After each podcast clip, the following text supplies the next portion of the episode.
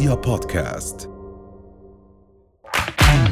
أهلا وسهلا فيكم برؤيا بودكاست ترند.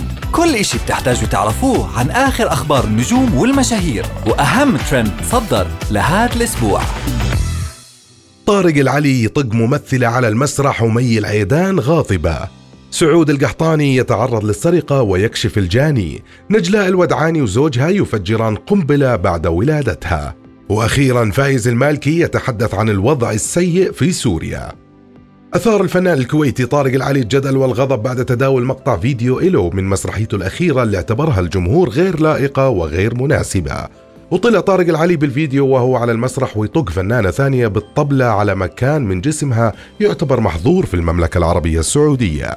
وأثار تصرفه الجدل والغضب بين الجمهور ورواد السوشيال ميديا. وقال واحد من المتابعين عيب والله على الأقل يحترم العمر. تهريج بتهريج لا فن ولا ذوق. كوميديا هابطة. الصراحة وأبدا ما يضحك. وكتب متابع ثاني فعلا هذا عيب طارق العلي. مدت اليد شفتها وسواها مع كم ممثل. كم ممثل يضحكنا لكن ما يمد يده أبدا. وبنفس الوقت انتقدت مي العيدان الفنان طارق العلي وتصرفه ونشرت الفيديو على حسابها في السوشيال ميديا وكتبت عليه لا وزعلان لما قالت هيا الشعيبي طقني على صدري. زين وهذه طقها على وين؟ من طارق العلي ومي العيدان ننتقل لسعود القحطاني وتعرضه للسرقة. كشف مشهور السوشيال ميديا السعودي سعود القحطاني عن تعرض منزله للسرقة على يد الخادمة المنزلية اللي عنده بالبيت واللي هربت بعد ما سرقت كل شيء. وطلع سعود القحطاني بفيديو قال فيه إنه الخادمة اسمها حليمة وسرقت أغراضه وأغراض والدته وإنه دور عليها كثير وما لقي لها أثر.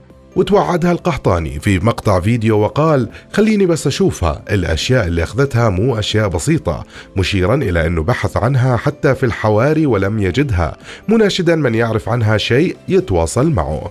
من سعود القحطاني والسرقة راح ننتقل لنجلاء الودعاني وزوجها وظهورها بعد الولادة. تصدرت مشهورة السوشيال ميديا السعودية نجلاء الودعاني الترند بعد ولادتها بأيام بنتها الأولى واختفت نجلاء الودعاني وزوجها بعد فترة من ولادتها.